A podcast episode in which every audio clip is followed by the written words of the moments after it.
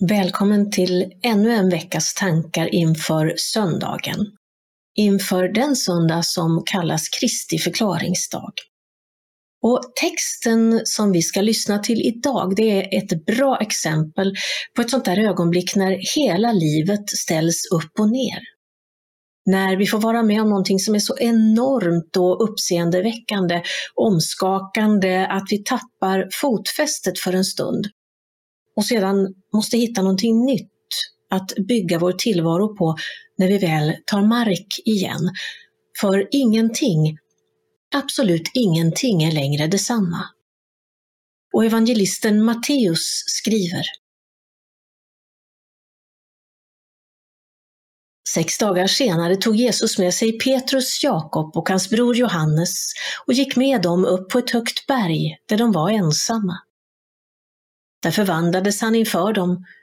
Hans ansikte lyste som solen och hans kläder blev vita som ljuset. Och de såg Mose och Elias stå och samtala med honom. Då sade Petrus till Jesus, Herre, det är bra att vi är med. Om du vill ska jag göra tre hyddor här, en för dig, en för Mose och en för Elia. Medan han ännu talade sänkte sig ett lysande moln över dem och ur molnet kom en röst som sade Detta är min älskade son, han är min utvalde. Lyssna till honom. När lärjungarna hörde detta kastade de sig ner med ansiktet mot marken och greps av stor skräck. Jesus gick fram och rörde vid dem och sade Stig upp och var inte rädda. De lyfte blicken och då såg de ingen utom Jesus. När de gick ner från berget sa Jesus åt dem, berätta inte för någon om det ni har sett förrän Människosonen har uppstått från de döda.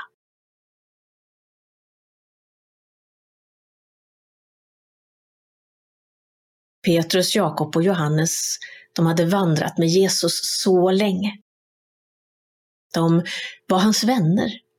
De hade sett honom utföra underverk och de hade hört honom undervisa. De hade till och med bekänt honom som Messias, som Guds son.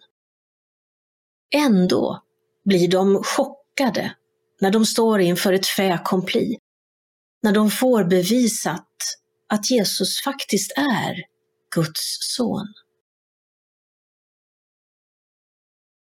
När lärjungarna förstår att allt det här faktiskt är verklighet, ja då reagerar de så sant mänskligt. Och det är nästan rörande när Petrus erbjuder Jesus att bygga tre hyddor åt honom och de två profeterna. Ungefär som att profeterna skulle behöva det. Det fascinerande här, i alla fall för mig, det är ju att lärjungarna inte reagerar som förväntat. Om det är så som många av Bibelns kritiker faktiskt påstår att allt i Bibeln bara är påhittade berättelser och det här också naturligtvis är en påhittad berättelse. Ja, om allt bara är uppdiktat skulle väl evangelisten ha utmålat lärjungarna i lite mer fördelaktigt ljus, kan man tänka. Om evangelisten bara ville lura läsarna, det vill säga dig och mig, då hade väl lärjungarna förmodligen jublat och bara konstaterat att allt var precis som förväntat. Men så reagerar de inte. De blir förvirrade, ja till och med skräckslagna. Så reagerar inte någon som är påhittad för att bevisa en lika påhittad historia. Nej, så reagerar en människa som råkar ut för någonting som är så mycket större och mer omskakande än han någonsin hade kunnat föreställa sig.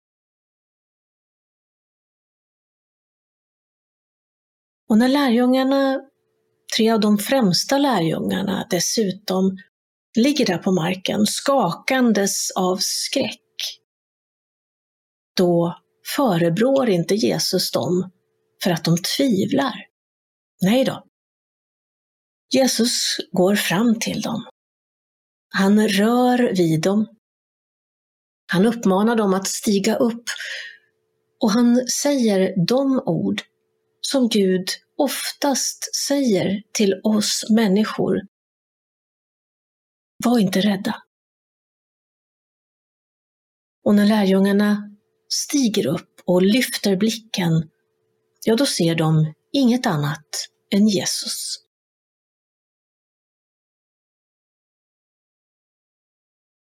Det finns ganska gott om tillfällen i livet när du och jag möter händelser som får oss att tappa fotfästet för ett ögonblick.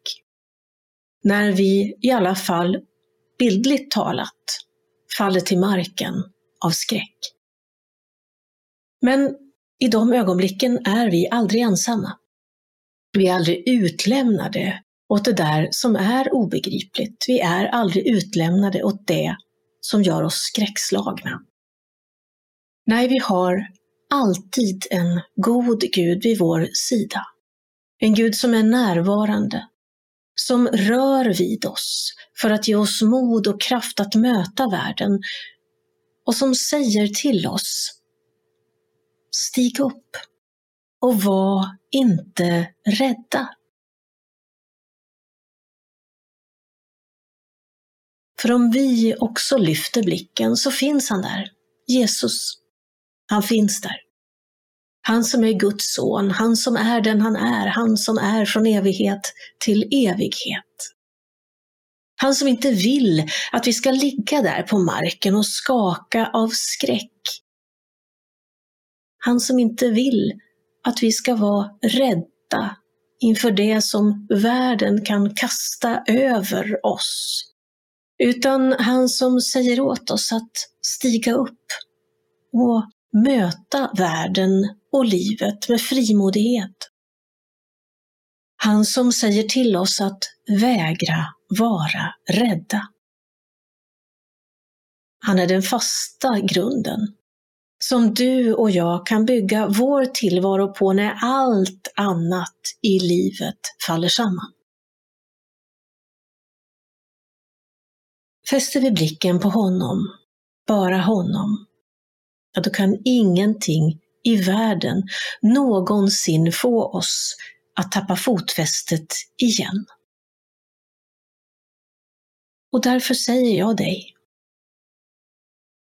fäst blicken på Jesus. Stig upp, människa, och vägra vara rädd. Gud välsigne dig.